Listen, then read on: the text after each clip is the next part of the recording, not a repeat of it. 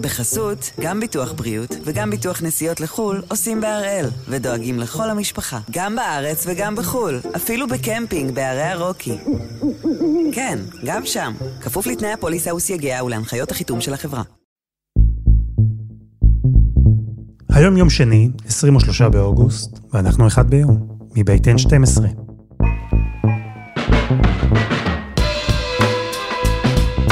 אני אלעד שמחיוף, ואנחנו כאן כדי להבין טוב יותר מה קורה סביבנו, סיפור אחד ביום, כל יום.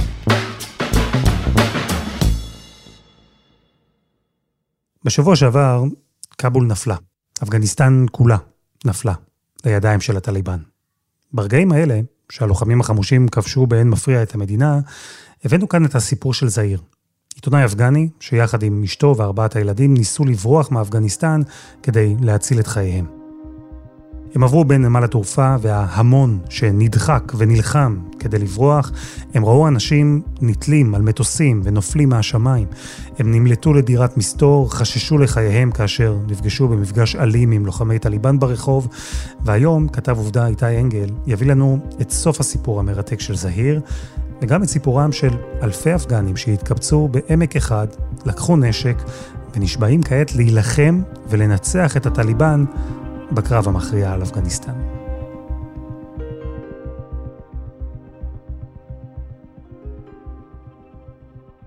איתי אנגל, שלום. שלום, אלעד. בפעם האחרונה שדיברנו, אה, קיבלת עדכונים מזהיר, אחרי יומיים שהוא הגדיר היומיים הכי קשים בחיים שלו, בלי אוכל, בלי מים, המשפחה לא מצאה זה את זה, אשתו חלתה, כל הרכוש שלהם אבד, והם ויתרו ועזבו את נמל התעופה, למרות שהיה להם מקום מובטח על אה, טיסת חילוץ. מה קרה מאז? כן, אתה יודע, היה איזה רגע שנשמנו לרווחה, כי הוא הגיע לשדה תעופה, אבל אז הכל התחיל להתרסק, עשרות אלפי אנשים רומסים אחד את השני. אתה יודע, אתמול למשל אה, נהרגו בהתרסקות, במחיצה הזאת, אה, שבעה אנשים. אגב, כל הרכוש שלו, הכל נעלם, נגנב, הילדים שלו חלו, התייבשו אחרי יומיים שם בלי אוכל. This is the second day that we are at the Kabul airport inside the terminal. זאת אומרת, בלית ברירה הוא נאלץ לחזור לעיר, לכאבול, שכרגע אבל הייתה כבר בשליטה של הטליבן. הוא מספר שהטליבן בדרך עצרו אותם. הם נתנו סטירות לכמה מהגברים שם בחבורה. סטירות ודחיפות, אבל מי שהרביצו ממש מכות רצח זה לנשים. למה? כי הנשים היו לבושות רגיל, אתה יודע, בשמלה ארוכה, אבל לא בבורקה שמכסה את כל הפנים. הם מצליחים להגיע לאיזה בית מסתור.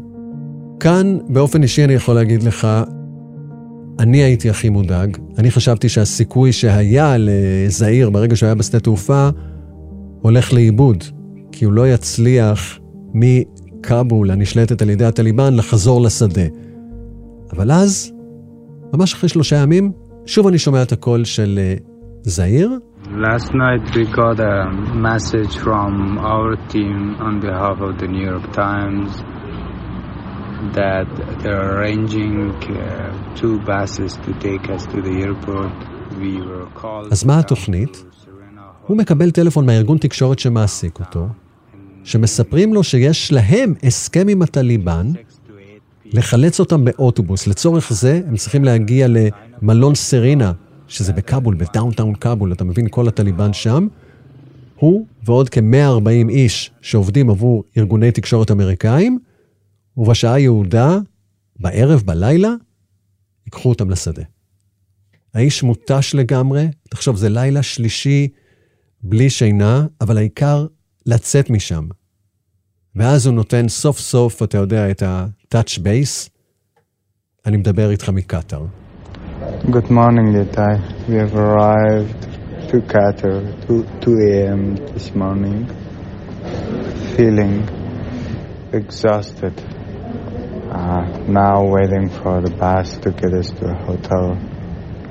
ואגב, שים לב איך הוא מתאר את הטיסה. It was, it was difficult. Uh, I had to stand in the plane because there was no room to sit.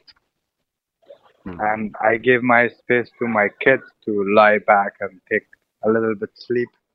אלעד, אתה שומע את הקול שלו, זה לא קול של אדם שמח, הוא מרוסק. כל הטיסה אה, זעיר עומד על הרגליים, כדי שהילדים שלו יוכלו להשתרע על הכיסאות, ממש אחד על השני, כדי אה, לנוח קצת. So imagine when you are in a flight at midnight and you, you, you don't have space to sit, you only stand so that others could sit. זה היה נורא, זה המשך לכל מה שהוא חווה פיזית ורגשית, ו... אתה יודע, מטבע הדברים הייתה הקלה גדולה כשהמטוס יצא מתחומי אפגניסטן, אבל הלב שלו, של זעיר, היה כבד כי... כי הוא יודע מה הולך לקרות כעת בארץ שלו, ובין היתר, גם קרובי משפחה שלו נותרו שם, ההורים שלו. I left my mom and my brother, two people from my family, they're hiding in Kabul. It's, it's, it's a very difficult situation for most people. My relatives, my cousins, they're, they're all left behind and things are getting tougher for them. אז זהו, עכשיו הוא בקטאר. פעם ראשונה, אגב, שהצליחו לישון לילה שלם, שאכלו ארוחה נורמלית. Uh, we had a great eight hour sleep last night. A little bit refreshed now, but not fully recovered. Uh, we are doing okay. We had good meals, good sleep. Uh, so, yeah, we're waiting for our next destination, which is Mexico City, I'm told. ובימים הקרובים הם ימריאו למקסיקו, ומשם, ברגע שיקבל את הוויזה, הוא יגיע לארצות הברית.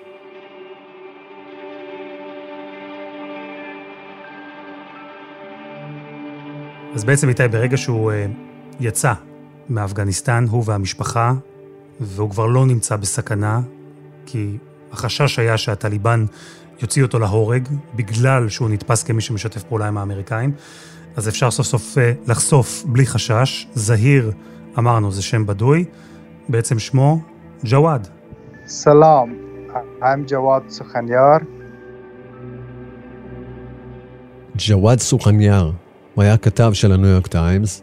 אם אתה תיכנס לכתבות שלו, תראה איך הוא כותב על המוג'הידין, איך הוא כותב על הטליבן, תבין לו שממש ממש ממש היה חיוני אה, ומציל חיים, זה שהוא אה, נמלט משם.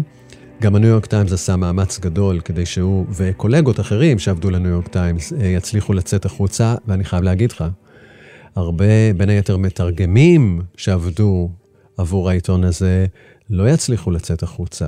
וגם ג'וואד יודע את זה, וזה גומר אותו. It, it, it's crazy. I don't know why the international community is quiet and, and, and the Americans are like, you know, they're indifferent toward what's happening there. They're, they're only concentrating on evacuation of like a s- very, very small number of people, which is great. I appreciate that. Uh, it, it, it's a moral obligation that they have. They. אתה יודע, איתי, אנחנו קיבלנו אה, המון תגובות, אני יודע שגם אתה, על הסיפור של אה, זהיר, ג'וואד. ברגע שהוא נמלט מאפגניסטן, עדכנו בהתרגשות את הבשורות הטובות בקבוצת הפייסבוק שלנו, שם גם חשפנו את השם האמיתי שלו, ויש המון מאזינים שכתבו לו. הוא הופתע מזה? הוא הבין בכלל כמה דאגה יש עבורו, עבור המשפחה שלו בישראל? תראה, הוא ידע שאנחנו uh, מקליטים אותו, אני לא חושב שהוא קלט כמה מהר זה יעלה לאוויר בפודקאסט, שזה היה כמה שעות אחרי שהוא דיבר איתנו, ואני יכול להגיד לך שהוא היה בהלם מוחלט ברגע שהוא הגיע לחוף מבטחים, להלן קטאר, מכמויות התגובות והדאגה שפתאום מפציצים את האימייל שלו, האינסטגרם והפייסבוק שלו, אה, מישראלים. אתה בסדר? איזה כיף לדעת שאתה חי. ואתה יודע, זה ישראלים, מה אתה רוצה? מה אתה צריך? אתה צריך אוכל, אתה צריך בגדים, אני מסדר לך מכוניות, אתה יודע, ואת הכל... אתה יודע, זה נורא מחמם את הלב. הוא מודה לכל האנשים שלקחו את הזמן אה, לכתוב לו, זה לא מובן מאליו. Well, yeah, I appreciate them for uh, taking the time to listen to my story. It means a lot. Uh, I thank them for their support. I got a lot of emails and text messages from people. That means a lot. Thank you, everyone. אז הסיפור של ג'וואד והמשפחה אה, נגמר עם סוף טוב, אבל אני רוצה לדבר איתך על הרבבות שנותרו מאחור. היו אמנם פינויים, לא מעט אפגנים הצליחו לצאת, אבל אני יכול לומר לך למשל שכאן בבריטניה יש ביקורת קשה על הממשלה, במיוחד על שר החוץ, שבמקום לדאוג בשיחות טלפון לפנות את אותם אנשים שסייעו לבריטים, בילה בחופשה משפחתית וטען שהוא עסוק. בגרמניה יש ביקורת על הממשלה כי היא דאגה להוציא מאפגניסטן 22 אלף ליטר של אלכוהול, בזמן שהמקומיים שעזרו לגרמנים שם נותרו למלא טפסים ובירוקרטיה. באוסטריה אמר הקנצלר שהוא בשום פנים לא יהיה מוכן לקבל פליטים מאפגניסטן. בכלל, הנושא הזה מוביל לדיון מאוד נרחב באירופה. מי האנשים בכלל שנשארו מאחור, נשארו באפגניסטן? איזו מערכת יחסים הייתה להם עם מדינות המערב? תראה, אני יכול להגיד לך, כשאני עובד במקום כמו אפגניסטן, או שאני הולך לכורדיסטן, אתה יודע, אז יש איזה נהג שאני מסתייע בו. יש איזה מישהו שמתרגם לי את הדברים. יש אנשים שפותחים דלתות, יש אנשים שאתה יודע, מסדרים לך חומוס במקום שאין אוכל, ואני בכוונה מפרט לך את כל הדברים הקטנים, כדי שאם אנחנו מדברים על יותר מ-100 אלף אמריקאים שם, אתה יכול רק להעלות על הדעת כמה אפגנים סייעו להם. אין שום סיכוי להביא את כל האנשים האלה לארצות הברית. עכשיו, בארצות הברית עצמה, אתה ציינת באירופה, אה, יש משהו מאוד נדיר, גם דמוקרטים וגם רפובליקנים, שמכסחים את ביידן. אגב, לא על ההחלטה לצאת מאפגניסטן, לאמריקאים נמאס מהמלחמה הזאת, אבל על הביצוע הסופר כושל, כל הכאוס הזה בעצם, אה, מסכן, ואני יכול להגיד, חורץ חיים כן, של עשרות אלפי אנשים שאין להם סיכוי להגיע. ועל זה הביקורת. זאת אומרת, לא הותרתם מקום ללוגיסטיקה עבור כל האנשים, אגב, שהבטחתם להם במשך שנים, שברגע שיגיע הרגע הזה שהטליבן ישתלטו, אנחנו מוציאים אתכם. ג'וואד באמת הצליח לצאת, אבל uh, הרבה, ושוב, עשרות אלפים, אין להם שום סיכוי.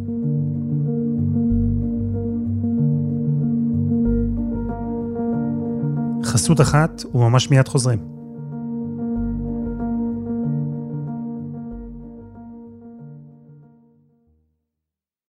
בחסות, גם ביטוח בריאות וגם ביטוח נסיעות לחו"ל עושים בהראל, ודואגים לכל המשפחה, גם בארץ וגם בחו"ל, אפילו בקמפינג בערי הרוקי.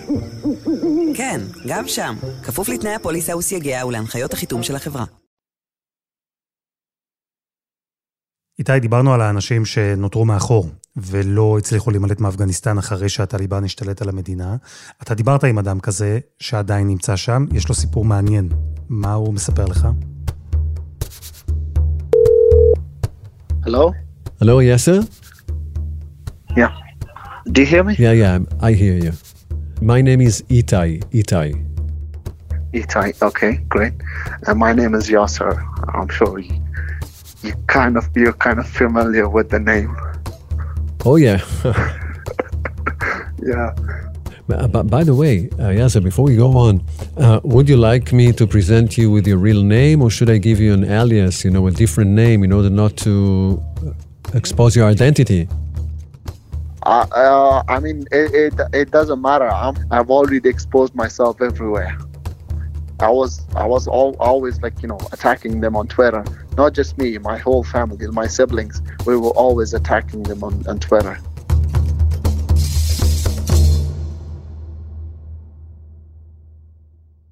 טוב, אלעד, הבנת? לבחור שאנחנו מדברים איתו קוראים אה, יאסר, הוא גם צחק, אה, נראה לי שהשם הזה מוכר לכם שם אה, בישראל.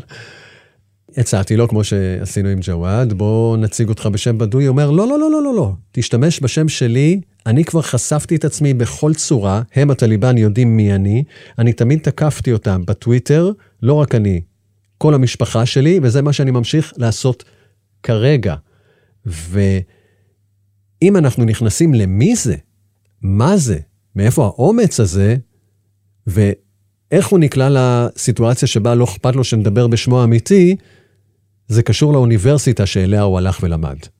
I'm student. Uh, like my university doesn't exist now, so I was a student of American University of Afghanistan. If, like right now, they they looted inside the university which I was studying. Like I had, it, uh, they literally had every information that I had inside the university. For instance, my passport, my my ID card, the papers that I submitted to the university. אתה מבין, הוא למד באוניברסיטה האמריקאית בכאבול, היה דבר כזה שתפקד בשנים האחרונות, והטליבן, בגלל שזה אחד הסמלים שהמערב הקים בתוך כאבול, פרצו, בזזו את האוניברסיטה ותיעדו את זה בווידאו, רואים אותם שם לוקחים את כל המסמכים מהאוניברסיטה שמזהים את הסטודנטים. ברור לך שהבן אדם הזה מבחינתה זה כופר שצריך להשיג אותו. So they have also the details of your details? I mean, your name, your uh, ID number is on these papers. Exactly. Oh, God. Can you describe what's going on on the streets of Kabul now? Well, in streets of Kabul, simply like it's kind of like uh, let's say mm, bunch of thugs playing uh, Grand Theft Auto. What is it? You know, have, have you ever heard the game Ah, Grand Theft Auto? why? yeah, yeah, So- I heard about it, but why? Why does it look like that? So it is like that, basically.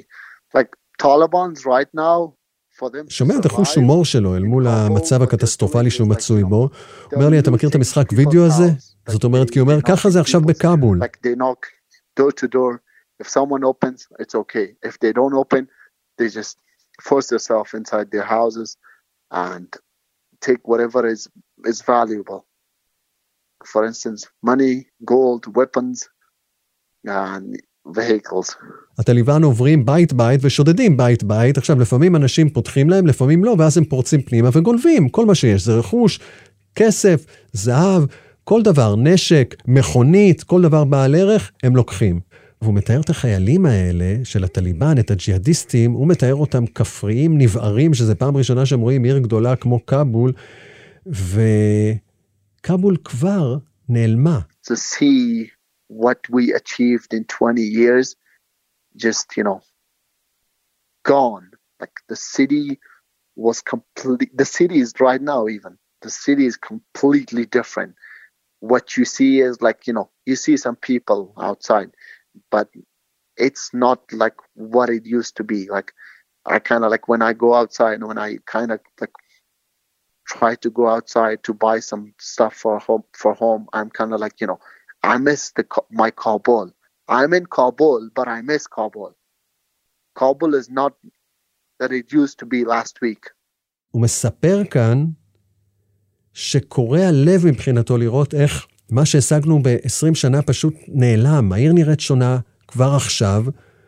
והמשפט הבא הוא נורא חזק, הוא אומר, כשאני מסתובב בחוץ אני מתגעגע לכאבול. כלומר, אני מסתובב בכאבול, אבל זו לא כאבול של לפני שבוע. וההתנהגות הזאת שהוא מתאר, היא באה בניגוד גמור לניסיון של הטליבן להציג איזה מצג כאילו הם השתנו והתרככו ומסיבות עיתונאים וניתן זכויות נשים ואנחנו אנחנו אחרים, אנחנו לא אותו טליבן שלפני המלחמה. כן, אבל גם אתה וגם אני מבינים שזה, אתה יודע, אה, שטויות במיץ. בוא נשתמש במילים של יאסר. It is bullshit. What they're trying to do is like they they are saying that they are changed. It's just because they, they want to get a recognition from the from the West. That's what they're trying to do. זה בולשיט טוטאלי, והוא מתאר נכון, הטליבן משחקים כרגע את הרגועים כי הם רוצים אה, הכרה מהמערב. הם רוצים קודם כל שהזרים יעופו מאפגניסטן, ואז הם יוכלו לחזור ולהיות אה, הם עצמם. ואותו יאסר, שמוכן להיחשף ולדבר אה, אה, בקולו ובשמו, הוא מלמד אותי שיש עדיין כיסי התנגדות. כלומר, אנחנו מדברים על הטליבן שלכאורה כבש את כל אפגניסטן, אבל אם יש יאסר אחד, אני מניח שיש עוד. תראה, הוא עדיין מסתובב בכאבול, החיים שלו בסכנה, סכנת מוות, אבל יש משהו באופי שלו ובמוצא שלו שבעצם מסביר אה, למה הבן אדם הזה הוא כל כך אמיץ ולא מוכן להיכנע. יאסר מגיע ממקום שנקרא פאנצ'ר ואלי. I'm from Panjshir as well. I mean, I'm from Panjshir, so it's in my blood, like you know, being a rebel like this. יש בעצם לוחמים אפגנים שרוצים לתת fight, וכולם מתרכזים עכשיו באזור שהפך אה, לאגדה בתור מלכודת לאימפריות לאורך השנים, וזה מה שנקרא עמק פנג'שיר. היית שם, נכון? אה, תספר לי על המקום הזה. Panjshir Valley זה מקום קודם כל מדהים ביופיו. אני זוכר שנסענו לשם כדי להגיע לכאבול, אתה עובר ברכס אינדו כוש, וזה כל כך מסוכן ואתה יכול להתחלק, זאת אומרת, ללוחמת גרילה זה מקום אידיאלי. במקום הזה, החבר'ה שגרים שם, שהם הכי אמיצים ולעולם לא נכנעו בפני שום כובש, הביסו את הבריטים במאה ה-19, הביסו את ברית המועצות, ושם הם גם uh, הביסו את הטליבן. הטליבן אף פעם לא הצליח לכבוש את uh, פאנצ'ר ואלי, את עמק פאנצ'יר. היה איזשהו ניסיון להתקרב לשם, והחבר'ה מפאנצ'ר ואלי uh, הביסו אותם. מי הם אותם מתנגדים, ועד כמה הם מאורגנים ומגובשים? כרגע מדובר באלפי חיילים. להארדקור, שזה הטאג'יקים, מצטרפים אנשים מהרבה שבטים שרוצים אפגניסטן נורמלית. אני נזהר באופטימיות שלי, אה, כי לחבר'ה האלה, כמו שיאסר מספר, יש נשק, אבל חסר להם דלק. Like thousands of soldiers, yeah, thousands of soldiers got into Panjshir. The only thing that they don't have is enough is fuel. אבל לדעת יאסר, זה לא רק שהם הולכים לשמור על העמק של פאנשיר, הם הולכים לשחרר את כל אפגניסטן. They want to get outside of Panjshir. They want to take the whole country, not just Panjshir. People always want to be free. And people inside Panjshir, they're all united. Okay, Yasser. It is night now in Kabul. Yeah, thank you. Okay, Yasser. So we will keep in touch. Yeah. All right. It was really nice talk with you. Yeah, and stay safe, man. Thank you so much. yeah, thank you. Thank you. Have a good one. You it too. was nice talking with you. You too. Bye bye.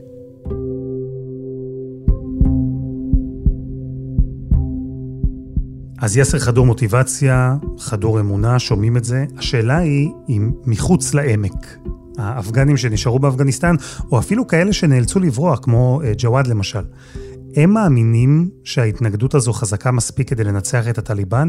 מאמינים שההתנגדות חזקה כדי שהם מתישהו בקרוב יוכלו לחזור הביתה בלי חשש לחייהם? שאלה טובה. כי אתה יודע, זה כל כך רומנטי לחשוב שוב על אה, התנגדות אפגנית, רוח של אה, חופש אל מול הטליבן הנוראים האלה. ואתה יודע, נקודת מבט של ריחוק באמת נותן לנו ג'וואד, ריחוק תרתי משמע. הוא גם לא נמצא שם, הוא גם הרבה יותר מפוכח בראייה שלו, ובהיותו בקטאר ממש שאלתי אותו עליהם. I have doubt on what they are saying because uh, you know to form a resistance you need time you need resources and you need uh, foreign uh, backing which they don't have it now i think they were like you know אז הנה, אתה שומע, הכל הוא מאוד מפוכח. ועם כל ההערצה שיש לג'וואד כלפי החבר'ה האלה, הוא אומר שהוא לא מאמין שהם באמת יכולים לתת fight. הוא מספר שהטליבן נתנו להם אולטימטום לפנות את פאנשיר. האנשים האלה, אגב, לא יפנו את פאנשיר, כנראה יהיו קרבות.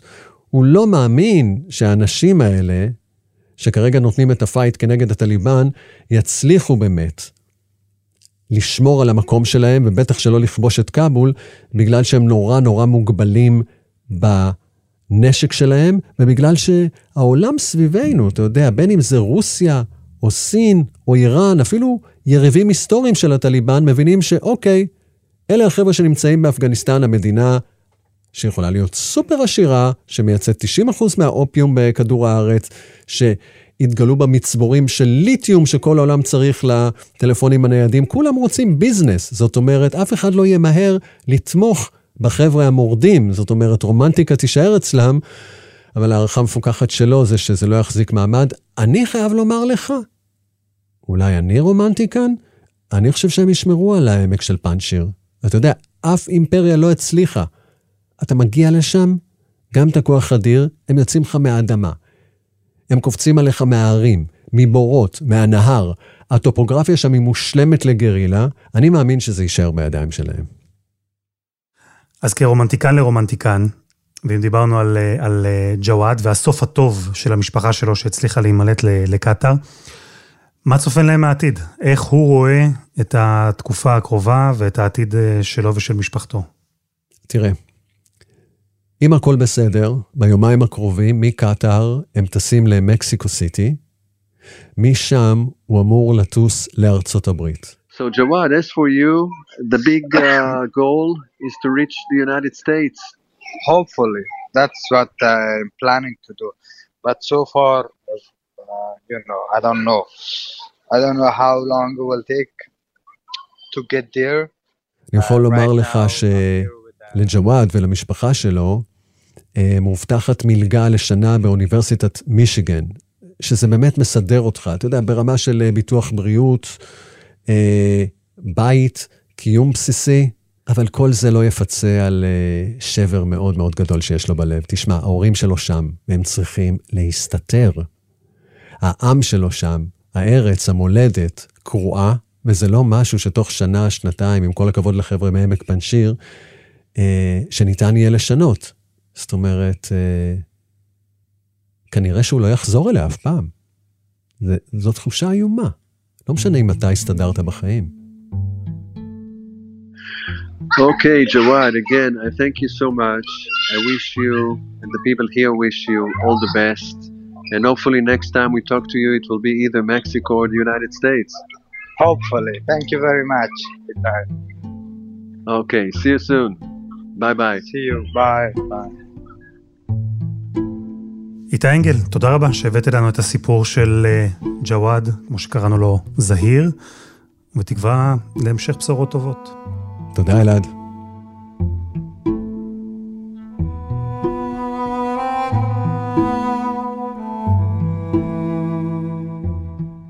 וזה היה אחד ביום, של N12. הפרק הזה, כמו כל הפרקים הקודמים שלנו, למשל הבריחה מכאבול, הפרק שבו איתי אנגל הביא את תחילת הסיפור של ג'וואד, או הבוץ האפגני, הפרק שבו אהוד יערי הסביר איך הפכה אפגניסטן לבית קברות למעצמות, אז כולם זמינים לכם ב-N12 ובכל אפליקציות הפודקאסטים. נאמר תודה רבה לאוריאל לוי, שסייע לנו בפרק הזה, העורך שלנו רום אטיק, בצוות עדי חצרוני ודני נודלמן, על הסאונד עומר פרימט ואני אלעד שמחיוף, ואנחנו נהיה כאן גם מחר.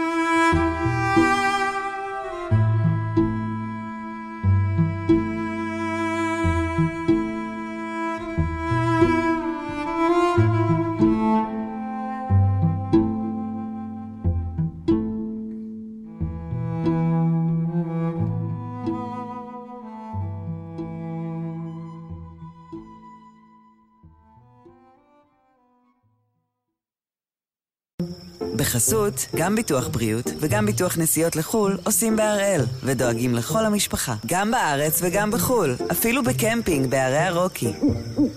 כן, גם שם, כפוף לתנאי הפוליסה וסייגיה ולהנחיות החיתום של החברה.